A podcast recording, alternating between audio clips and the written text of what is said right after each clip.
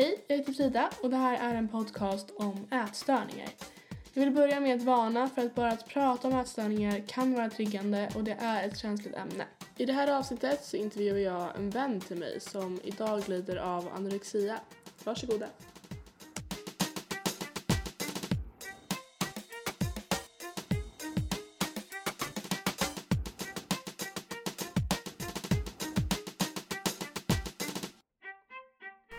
Är det jobbigaste nu är att jag kommer behöva säga hej till dig. Hej. Men, Hej. hej. Nu ska vi inte kolla in i ens ögon. Varför sitter vi som Verkligen, varför gör vi det? Nej men okej. Hej. Hej. Hur mår du? Jag mår bra. Hur mår du? Jo då, det rullar på. Jag är lite stressad för att jag ska till London imorgon. Ja, som du ser här, i natt som du ser så får inte jag plats med någonting i min väska. Nej, jag, först, ja, jag förstår verkligen inte hur du ska klara dig på den Nej. där mm, ytterst minimala väskan. Exakt. Men det är ju lite av min grej. Ja.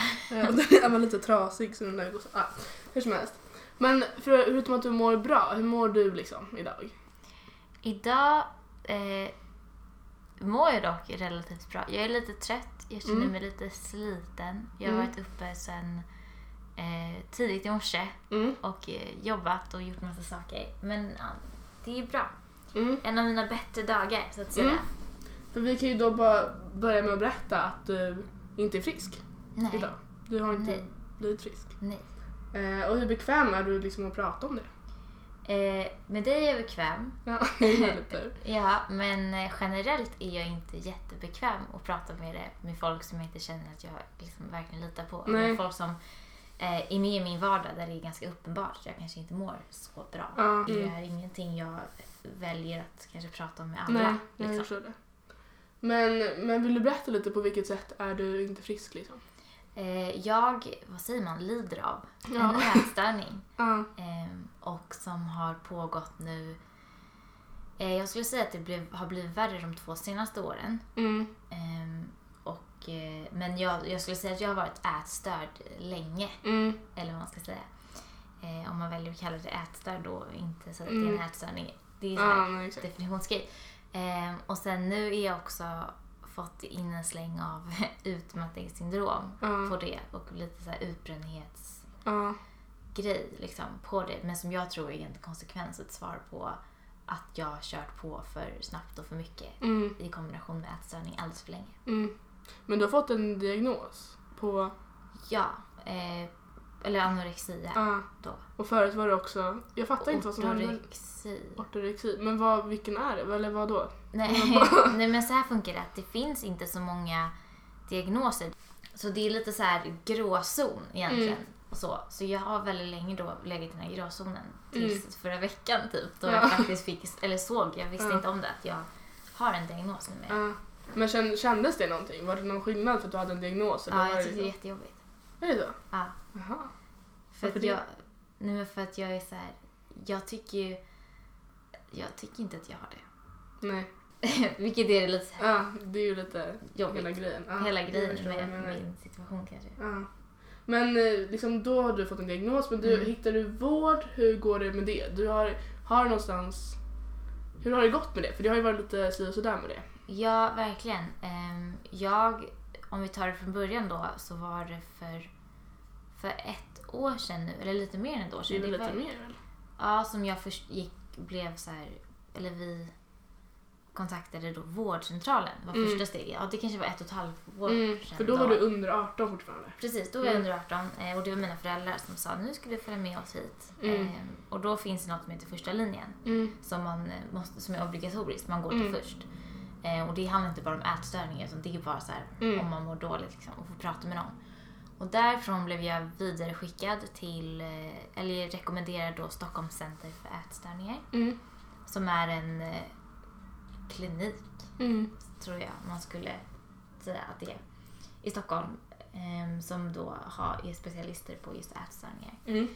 Ehm, och då började jag gå i behandling där. Först i det som kallas öppenvården för barn då. Mm. ehm, tillsammans med mina föräldrar. Och då träffar man en dietist, ehm, en läkare, en psykolog. Och då var de med på de här mötena? Precis, och då är det möten Ja. med, med allihopa i ett rum Ja. liksom.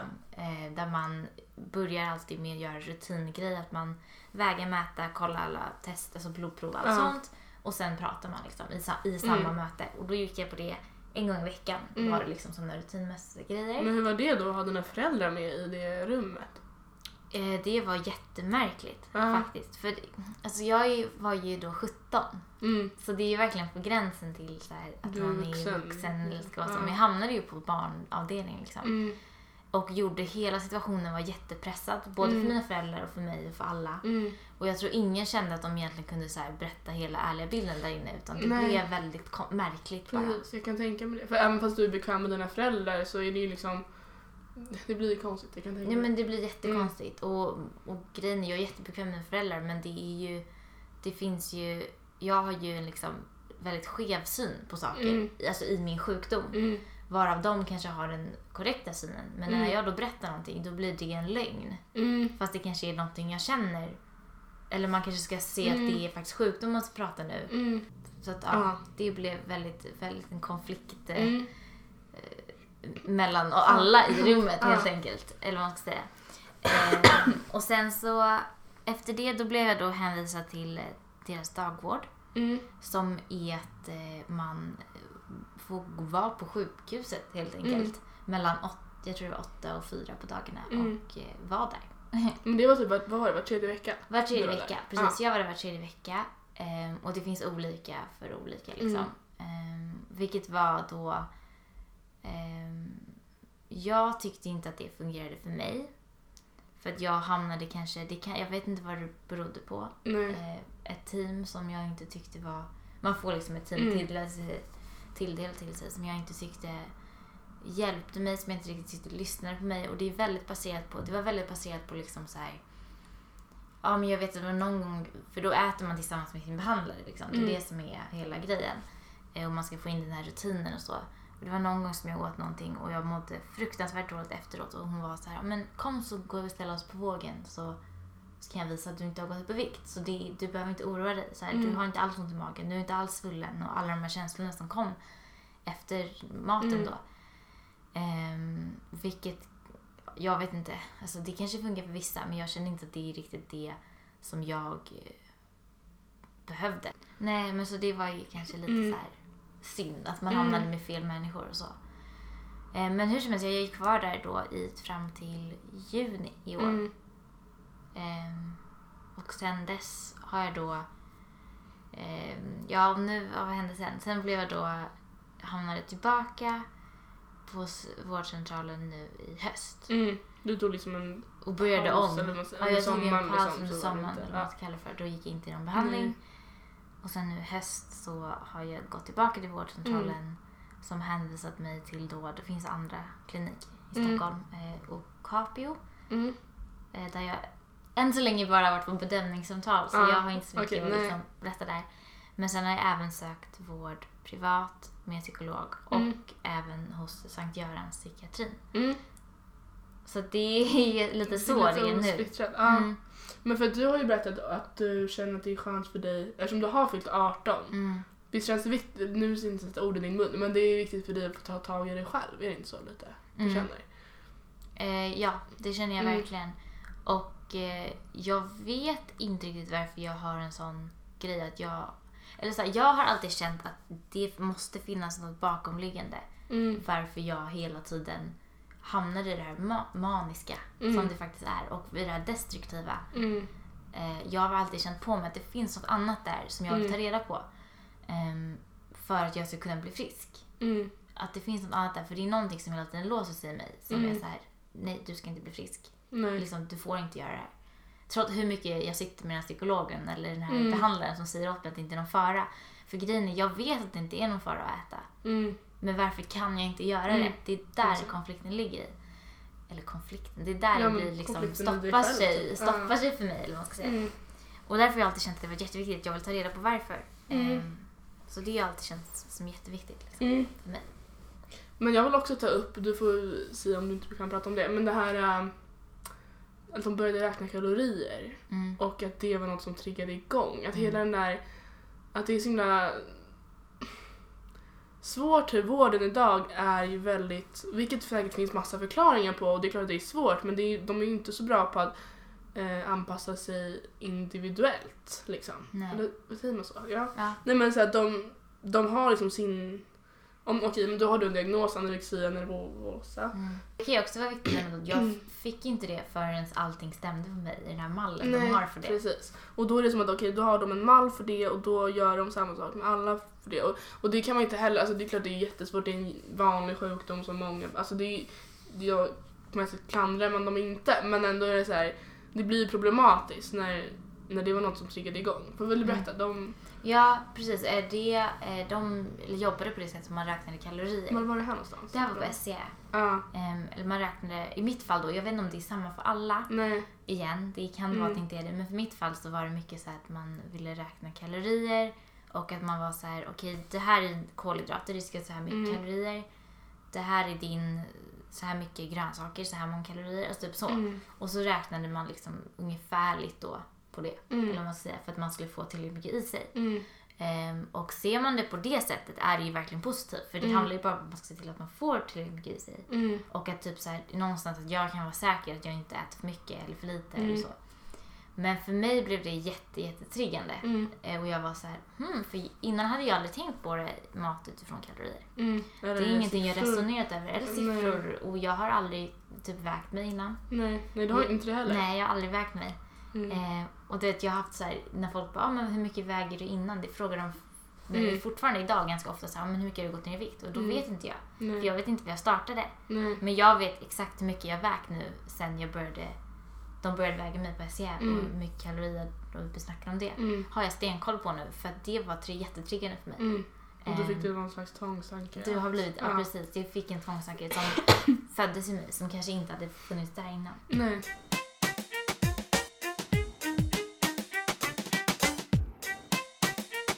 Psykologen som du är hos nu. Mm. hon- för då, då var det ju som för dig att, eller kunde det bli jobbigt då att, alla, att det var så himla mycket fokus på, på att just att äta? Att du kände, nu sätter jag ordet i munnen igen. Nej. Men, så Nej men det är bra, jag lyssnar. Vad bra. Men att du kände att, att det liksom inte riktigt eh, att grunden till sjukdomen inte riktigt utreddes utan att det Mm. mest var liksom fokus på att så här, så här brukar man göra för att någon ska bli frisk så varsågod och ät liksom. ja, Att, för det ligger ju verkligen någonting i det som i de andra avsnitten av min Mm. podcast här, men som jag pratade om att så här, det är ju viktigt att äta för att få upp värdena rätt för att kunna bli klar i hjärnan. Liksom. Precis. Så det är klart att det är viktigt att, att äta. mm. Men för dig så verkar det som att det blev, liksom, blev för mycket fokus på det. Så att du, Men alltså grejen är ett av problemen. Alltså här, mycket fokus på liksom så här, så här är en kolhydrat uppbyggd, det här är en protein. Mm. På det sättet. Och grejen är, jag har alltid varit väldigt intresserad av så här, träning och Mm. hälsa sånt. Så allt, allt sånt i det liksom biologiska så mm, har jag haft stenkoll på. ja, vilket kanske Eh. också är en grund till, alltså så här, det är ju en del av din Ja men lite så. Ja. Precis, jag är lite knäpp så liksom. Nej men alltså jag, Ja. men jag kan så här jättekonstiga saker som Mm. man inte egentligen behöver kunna Nej, om precis. så varför en kolhydrat, alla negativa och, Mm. och positiva saker Mm. och alla sätt du kan ta in den som är bra och som är dåligt. Mm. Du vet så här, så här överladdad av information. Eh, och det är väl lite sånt de berättade. De är så här, ja men det är ingen fara för det här gör det här till din kropp så du behöver inte Mm. oroa dig, du behöver det här. Vilket jag alltid känt att jag vet det. Mm. Allt det här Du vet, vet, att du jag. borde äta. men Jag vet att jag borde äta mig. Men som du sa innan, alltså det, sa- varför går det inte då? Varför liksom? går det inte? Precis. Mm. Eh, och sen kan jag säkert tänka mig att jag då låser mig för att jag verkligen har bestämt mig för att jag måste ta reda på varför. Ja, exakt. Och du att det är också en slags- låsning att jag ja. så här, då kan jag inte äta förrän jag vet varför. Nej. Vilket jag säkert, det är säkert en låsning som Mm. även då min sjukdom kanske Ja. hjälper till att se Mm. till att den då, det får jag höra hela tiden. Men det krävs ju åtminstone en kombination. Mm. Att liksom, du behöver börja äta men du behöver också känna att det finns någon annan, alltså du behöver veta vad du, vad du gör liksom. Ja. Mm. Men det är liksom så, så har vården behandlat dig, liksom en liten sammanfattning. Mm. Men hur har andra betett sig kring dig? Liksom vänner och liksom folk du, så främlingar, alltså hur Mm. som helst. Hur, Alltså, mm, jag tror, jag har aldrig varit så här fått liksom, om man tänker främ, främlingar vet jag inte. Jag nej har men, inte reagerat så främlingar är mycket, ett men, konstigt ord, men liksom Nej men jag har aldrig bekanta eller jag folk på jobbet eller liksom så. Eh, det här, alltså grejen är, folk runt omkring i så här lite större omkretsar, Mm. har inte reagerat någonting. Nej. Eh, jag har aldrig fått så här, folk kommit fram och kommenterat någonting Mm. eller nämnt någonting. Eh, ingenting. Men det kanske också för jag är ganska, nog ganska bra på att dölja det. Mm. Och på att så här, köra på Mm. ändå liksom. Mm. Eh, men när det kommer till nära och så, det är samma sak där. Folk har själva inte kommenterat någonting förrän jag själv förrän jag själv sagt det och då har de sagt att ja, vi vet. Mm. Men jag har aldrig haft någon så här som har kommit fram och liksom Nej. nu är jag orolig för dig. Eller hade, liksom så. hade du önskat det? Ehm, jag vet inte. Nej. Det är svårt att säga. För på ett sätt, för nu kommer jag på att nu ljög jag precis för dig. Jag hade ett, eller senast, eller så för ett tag sedan var det faktiskt ett gäng, eller några av mina närmsta kompisar som sa, hade pratat med mina föräldrar. Mm. Ehm, och det vet jag även att ni, ni gjorde i ett tidigt, tidigt sta, så här Mm. stadie, måste jag säga. Ehm, men det visste inte jag om. Nej. Så då är det så svårt att veta Ja. hur jag skulle reagera. Men så fort jag tror att det är nära kompisar som säger någonting, då blir jag också lite orolig för mig själv. Mm. För jag är ganska, alltså jag är ganska blind för det. Jag känner mig inte sjuk. Nej. Vilket kanske också har med att göra med att du har varit det så pass länge att du, du är så van att det är så här det känns. Liksom. Mm. Det är normalt för dig. Mm. Men jag tänker också på hela den grejen att så här, jag tror att det också har med saken att göra att om du har känt länge, Mm. som mig till exempel. Mm. Vi, det här var ju så här samtal när vi typ gick i åttan så snackade Mm. vi också om det här. Alltså det har Mm. aldrig varit så här, men nu är jag orolig för dig. Så det har liksom smugit in hela tiden Mm. att säga, ja, men du borde kanske, alltså Mm. så här, att det kanske blir en sån grej. För det var ju liksom ingen plötslig grej. Nej. Liksom, att det kanske blir så då. Nej. Att folk inte... Men så det kändes ändå som att du tog åt dig när någon sa... Men hur, hur gjorde de då? Var det liksom... Nu... Eh, Ja, senare, de som sa att de var Senare. oroliga för dig. ehm, nej, men de hade pratat med mina föräldrar Mm. ehm, på något sätt. Jag skojar. Och haft liksom kontakt med mina föräldrar Mm. under en tid. Ehm, och sen så pratade de med mig i skolan faktiskt och sa Nej men nu måste du bara berätta för oss vad som händer för att Mm. vi är jätteoroliga för dig och vi vill inte, vi klarar inte av att gå runt låtsas som ingenting. Nej. Och vi klarar inte av att så här, inte veta om du kommer så här, kollapsa framför oss. Nej, typ, så. Ja. Ehm, vilket var, alltså det är så här, nej men, nej men skärp er typ, tänker Mm. jag först. Men och sen blir jag så här, sen blir jag så glad att man faktiskt har Ja. folk som orkar stå ut och så här, prata med ens föräldrar. Mm. Det är så här, ja, Mm, verkligen. Man får lite verklighet i sig Ja. då. För jag, jag resonerar inte kring det Nej. annars och då blir jag så här, oj fan. Ja, vad- för det var också några ganska nya vänner som... ja, Eller ja, för då blir det också mer påtagligt. Att, så här, Precis. de känner... För att de har inte heller sett någon förändring utan de träffar dig och ser att du har inte ett friskt beteende och liksom reagerar på det. Mm. Det är ju verkligen... Vad fint att de... de ja verkligen. Men liksom, det hör lite till det. Men så här, din sjukdom och alltså är du bra på att skilja på dig som person och din sjukdom? Eller är det svårt att du säger att du inte känner dig så sjuk också? Eller liksom hur, känn, har du någon relation till din, vad har du för relation till din sjukdom? Mm, det är också så här typ daggrej tror jag. Vissa Mm. dagar känner jag mig alltså, sjuk. Alltså, då känner jag fan vad jag är sjuk, nu måste jag bli frisk. Mm, Och har så här, bort med den här jävla sjukdomen. Men många dagar så är det bara så här, fast det här är mitt, det är nästan som jag har hamnat i någon form av acceptans att det här är mitt liv. mm, Och då är det ju så här, då har jag inte riktigt separerat min sjukdom från nej, den jag är. Och jag tror att när man är så väl, kommer in i det i så här perioder. För jag tror också typ så här, om jag har mycket runt omkring mig, mm, mycket i skolan, mycket i jobbet så. Då är det lättare för mig att falla in i det här mönstret av att jag går in i någon så här dig. manisk och att det är en del av mig och jag Ja. är sjuk och jag reflekterar inte Mm. kring det. Nej, Så det är mer så att det går upp och ner. Men liksom på bra, under bra dagar man säga, mm, kan jag nog ganska kan jag nog distansera mig lite mer från mm, det. Men det är svårt. Alltså det är Mm. jättesvårt. nej, jag förstår det. Men den här psykologen som du är hos nu, Mm. den, hon är bra. På, Jättebra. på vilket sätt?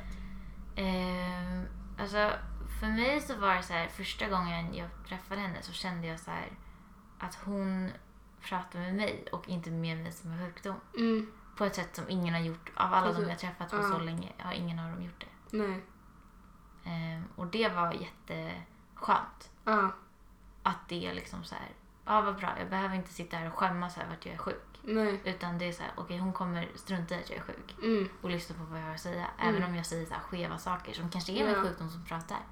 Men hon kommer lyssna på det ändå och inte liksom skylla det på Nej. något beteende. Eller Precis. liksom så. Det där tror jag är en himla balansgång för att det är ju så olika för vad som funkar. Liksom. Mm. Eh, för jag tror säkert det kanske, det kanske blir problematiskt för vissa Mm. att det är så och för, för dig så känns det bra. Liksom. Mm. Gud Det är ju ja. svårt. Men har dina föräldrar fått liksom några guidelines liksom för, för hur de ska... Vad har de Mm. haft för roll i hela det här liksom? Mm, de har haft väldigt, eh, vad ska man säga, eh, Eller vad har de för roll? vad de har för roll. Eh, de har, de har, jag tror inte de har fått några guidelines så. Nej, men liksom Riktigt. blivit tillsagda att göra på ett speciellt sätt. Nej, typ inte. Nej. Fuck, nej, typ inte. Det har inte varit så här något alltså så här, De har gått på någon anhörigträff någon gång. Mm. Har de anordnats av en av klinikerna jag var på. Men mer än så så har de nog bara fått så här.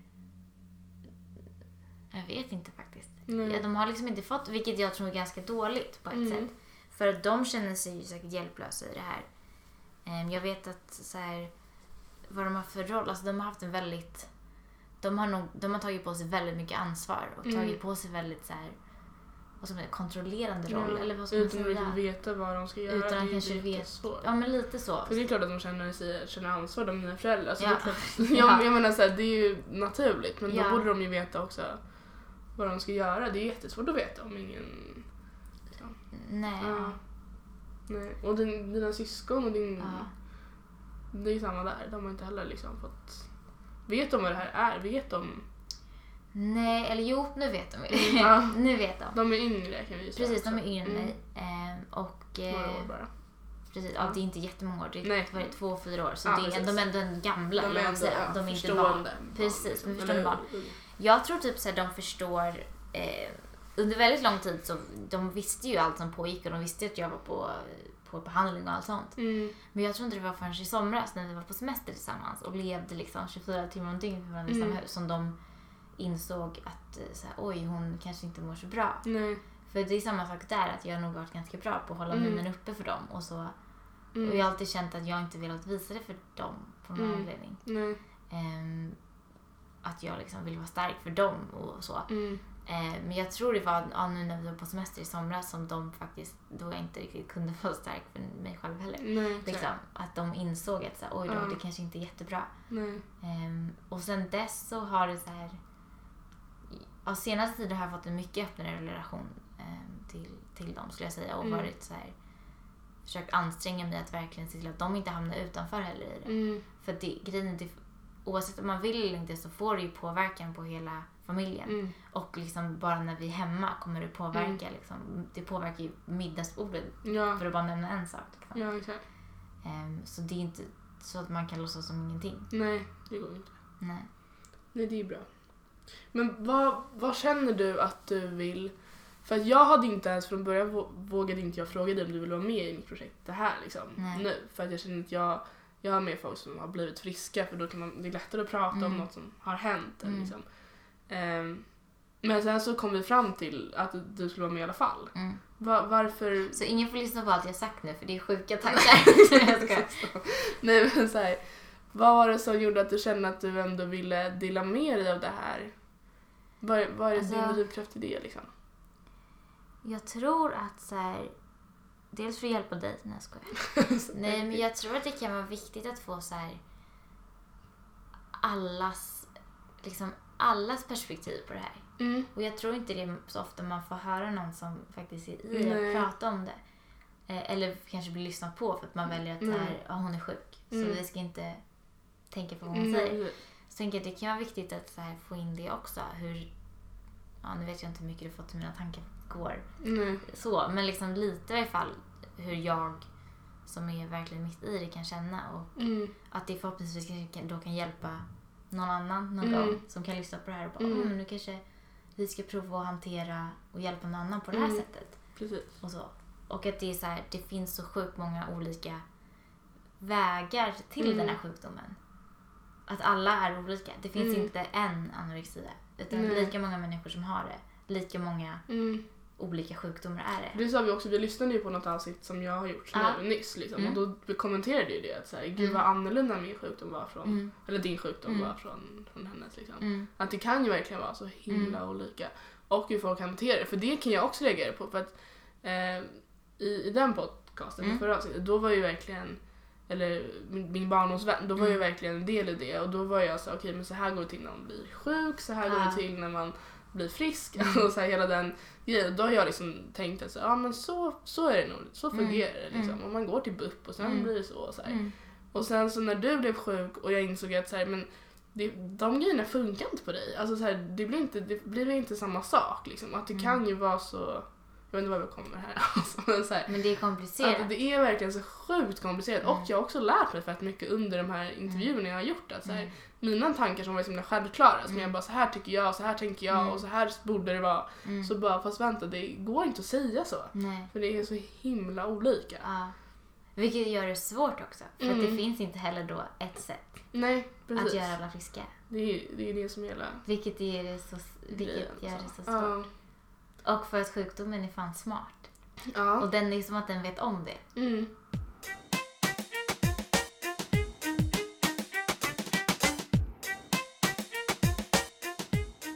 Nu hoppar jag lite här för Mm. jag kommer på saker som vi Ja, pratar om. gör det. Eh, men det du sa också så här förut att du tror att det är någonting bakomliggande, Mm. vilket det ju säkert är, till att du Mm. är som du är nu, Mm. liksom, att du är sjuk. Mm. Vad tror du att det är? Eller så här, vad, varför tror du att du hamnar i det här?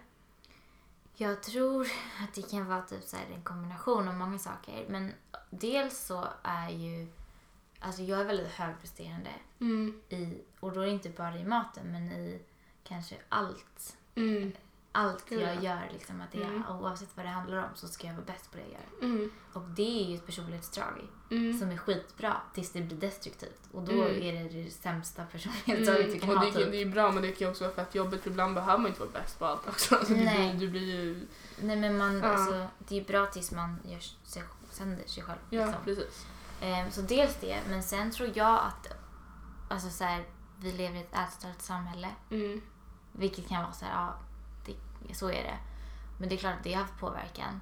Men sen så känner jag att, eh, att jag har väldigt länge haft så här, en fasad uppe Mm. av att vara så här, duktiga, jag menar, så här, duktiga tjejen. Och så här, Mm. du vet, det ska vara alltid så bra och man är så vänlig mot alla Mm. och man är så snäll. Och i det så har det liksom så här, varje gång jag har känt att jag har blivit ledsen eller varje Mm. gång jag har känt mig irriterad på någon eller frustrerad på Mm. någon så har jag kanske valt att bara säga nej men det är lugnt, det är så här, Mm. det är, I'm fine, jag är bara Mm. glad och duktig och Mm. mot alla. Och då är det typ så här att det finns så mycket känslor inom mig som måste Mm. egentligen borde ha riktats utåt. Men Mm. eftersom jag alltid vill hålla fasaden uppe så riktas det inåt och blir Mm. destruktivt mot Mm. mig själv. Så det är liksom år av Mm. att hålla den här fasaden uppe och vara duktig i Mm. allt som ligger där inne. Det blev väldigt bildlig grej. Ja, hängde man med nu? Men jag förstår verkligen. Jag ser Ja. liksom som, om man typ ser ditt så här, hjärta och så ser man så här, alla krafter som så ofta går utåt för så många människor liksom bara blir taggar in mot, mot dig själv. Liksom. Precis, och man måste, all den här frustrationen måste riktas mot någon. Mm. Ehm, och då är det ju nästan en kombination av då samtidigt som jag ska vara högpresterande då kan jag, och högpresterande i att vara duktig och vara den här perfekta tjejen som är så trevlig och snäll och utåt. Det, allting hör ju ihop liksom. Ehm, och då är det bara att det har blivit jätte, jätte och vänts inåt istället mot Mm. mig själv. Ehm, och att allting måste väl ut, antar Mm. jag, för att man ska bli frisk någon gång. Mm. Men det är ju en teori. Mm. Sen är det ju säkert massa andra saker också som spelar in. Men vad har du för tankar om liksom, nu framåt? Alltså Mm. kommande tid? I din process i liksom. processen. Alltså jag tror att så för varje dag som jag som går Mm. och de gånger eller så här, nu när jag är i behandling och så, så alltså, lär jag mig mer Mm. om dels min sjukdom men också om mig själv och om att så här, alltså jag, det här är inte friskt, alltså jag kan bli frisk. Mm. Jag kan så här, jag behöver inte acceptera att det här är mitt liv Nej. nu liksom. Och att liksom Ja, det är svårt att förklara. För på ett sätt jag har mer sjukdomsinsikt nu Mm. än vad jag hade innan. Men samtidigt så är jag ju då samtidigt ha, fysiskt sämre Mm. än vad jag varit innan. Mm. Eller det är, så, Jo, det är svårt. Ja. Men Men jag tycker det känns Mm. hoppfullt att du har hittat en psykolog som du känner att du kan öppna dig för. Det är ju verkligen jätteskönt mm, att höra. ja men verkligen. Men okej, om vi, om vi, nu blev det ännu mer hoppigt. Alla Ja. får ursäkta det. Men jag är inte så professionell. men jag ska jobba på det. Men hur som helst. Att, hur kommer du ihåg liksom, för du säger att du har varit sjuk eller liksom ätstörd Ja. väldigt länge. Ja. Minns du liksom hur, när började det liksom, från det allra minsta liksom? Mm.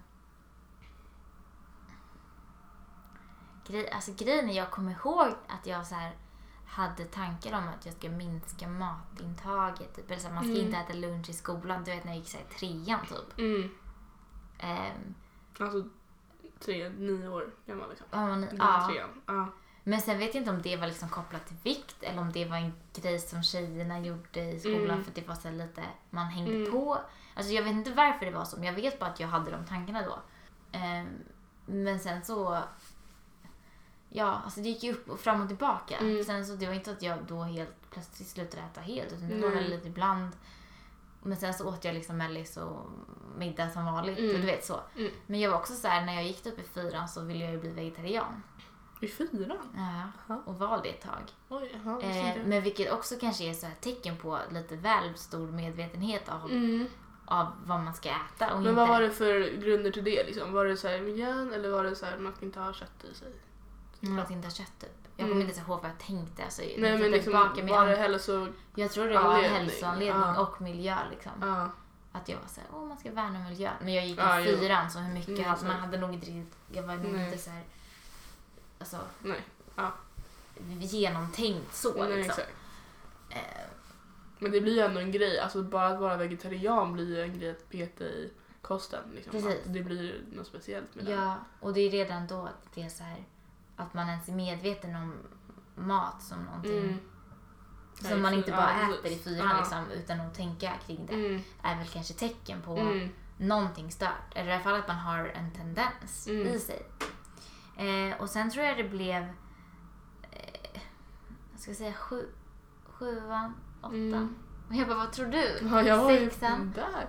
Ja. Men jag minns inte det, för grejen är, jag har tänkt lite på det här om Ja. vi pratar om vår relation. ja. Att i sexan var ju vi vänner ett tag. Mm. Det var ju då vi träffades också. Mm. Liksom. Men så hände ju någonting där. ja, vi började bråka. Det lite... Och jag tror helt seriöst, för varför jag kommer ihåg att jag bara, det har förändrats, Ja. typ, på den grejen. Jag har tänkt på det efteråt, att jag Ja. tror att det kan ha med så här, det här att göra. Fast jag såg, det var inte så att jag bara började läsa. Det var inte såklart Nej. inte. Eh, Men jag tror att jag såg en förändring och sen kopplade jag nog inte det med att det var en sjukdom. Nej. Utan att jag såg så här, men gud hon är, hon är kallare och typ lite, Mm. lite drygare på något Mm. sätt. Typ. Mm. Och att det var så här, jag tyckte inte att du var lika rolig längre. Så här, konstellationerna i klassen ändrades liksom Mm. lite grann naturligt också samtidigt. Jag tror det var en kombination. Så jag skulle säga alltså, att någon liten, liten förändring hände Mm. typ mitten på sexan. Ja, typ sexan Mm.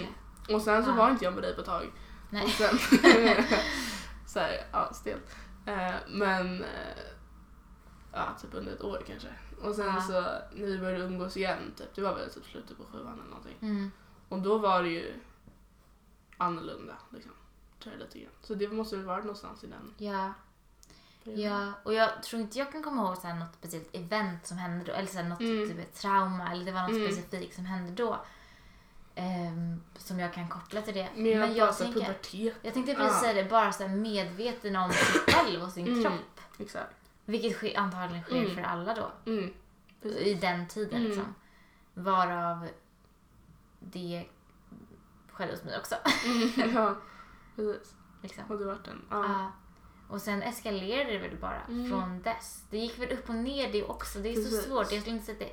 För det eskalerade inte riktigt heller. Nej, alltså det jag minns då var väl liksom att så här, det var mycket snack kring mat var och det nyttiga Mm. och det var mycket träning Mm. och det var, du dansade fett mycket då. Mm, det. Eh, och det var mycket så här, äh, det här Instagram-kontot och Mm, hälsosamt och allt det där liksom.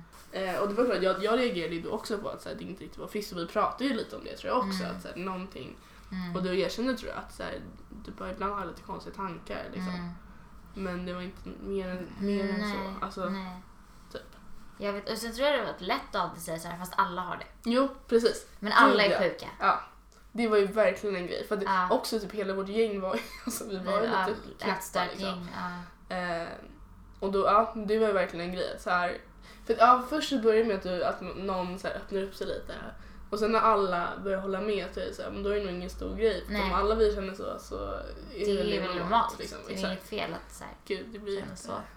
Nej men verkligen. Då Gud, borde det ja. bara snarare tagit det på större allvar då. Så Ja. alla vi här är... Ja, vad, hur kan vi men ändra på det här liksom? Eller alla, nu ska jag inte säga alla, men, liksom, Nej men så här, fler än hur dig, kan vi liksom. ändra på Ja. att vi känner så här? Mm, Så här varför känner vi så här? verkligen. Liksom? Sen var vi ganska små. Men det, ja, så det kändes som att det var så normaliserat att man kanske inte tog det på så stort Mm, allvar. nej. Liksom. Nej.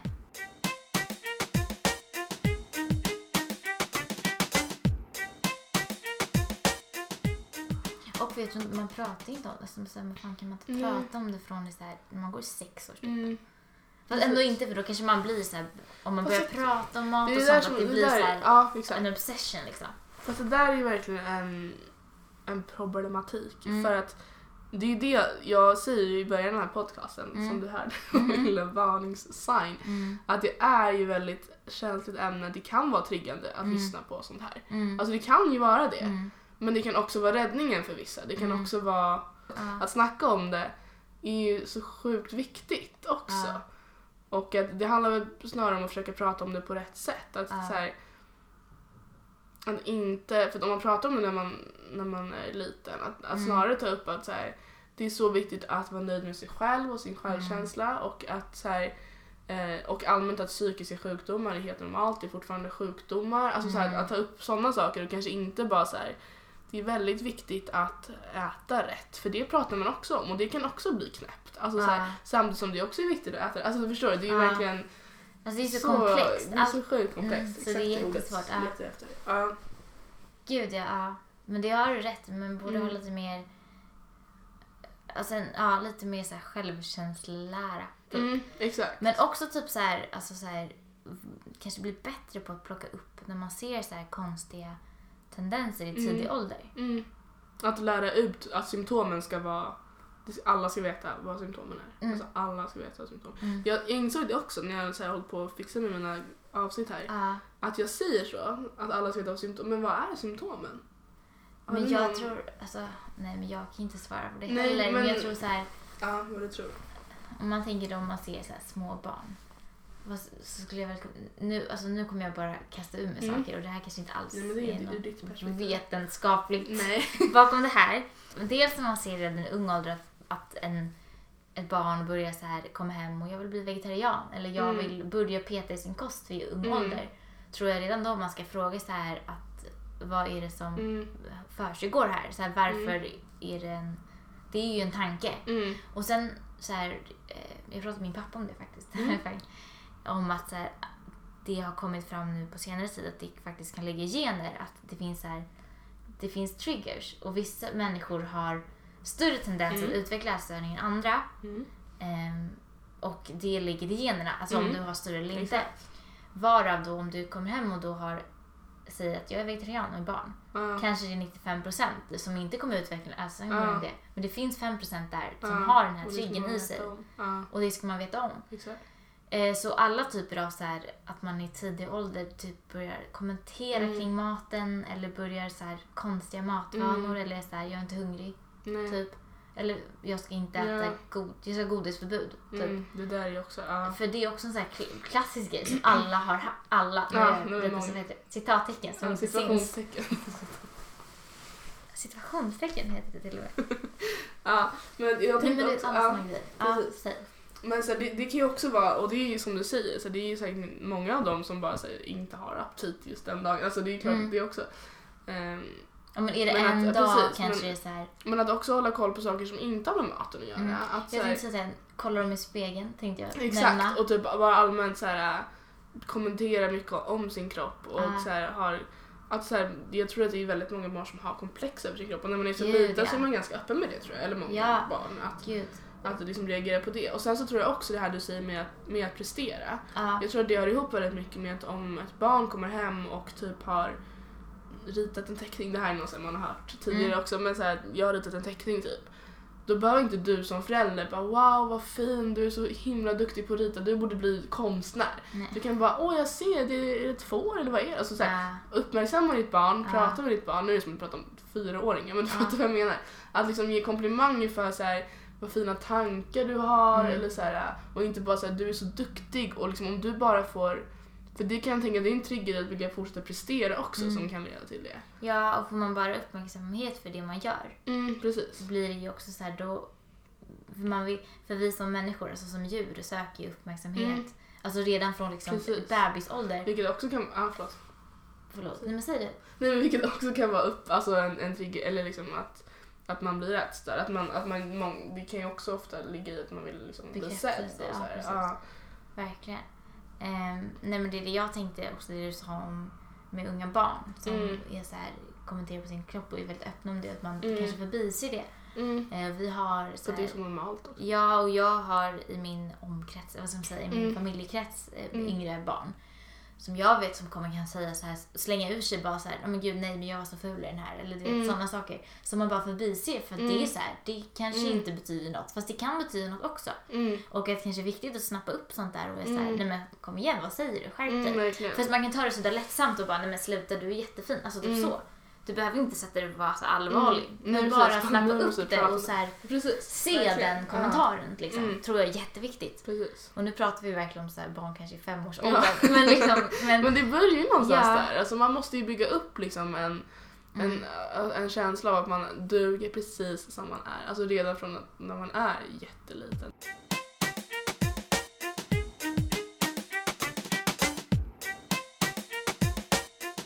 Det är lätt att säga att nej men det är inte allt tabubelagt. Men det är ju tabubelagt. Alltså tabu. Ja, Ja. det är tabu. Mm, verkligen. Alltså jag tror det är lätt att säga det är inte Precis. så tabubelagt. Det har blivit mycket bättre de senaste Men- åren. Men det är det visst det. Det tror jag också är en del av Det är visst det.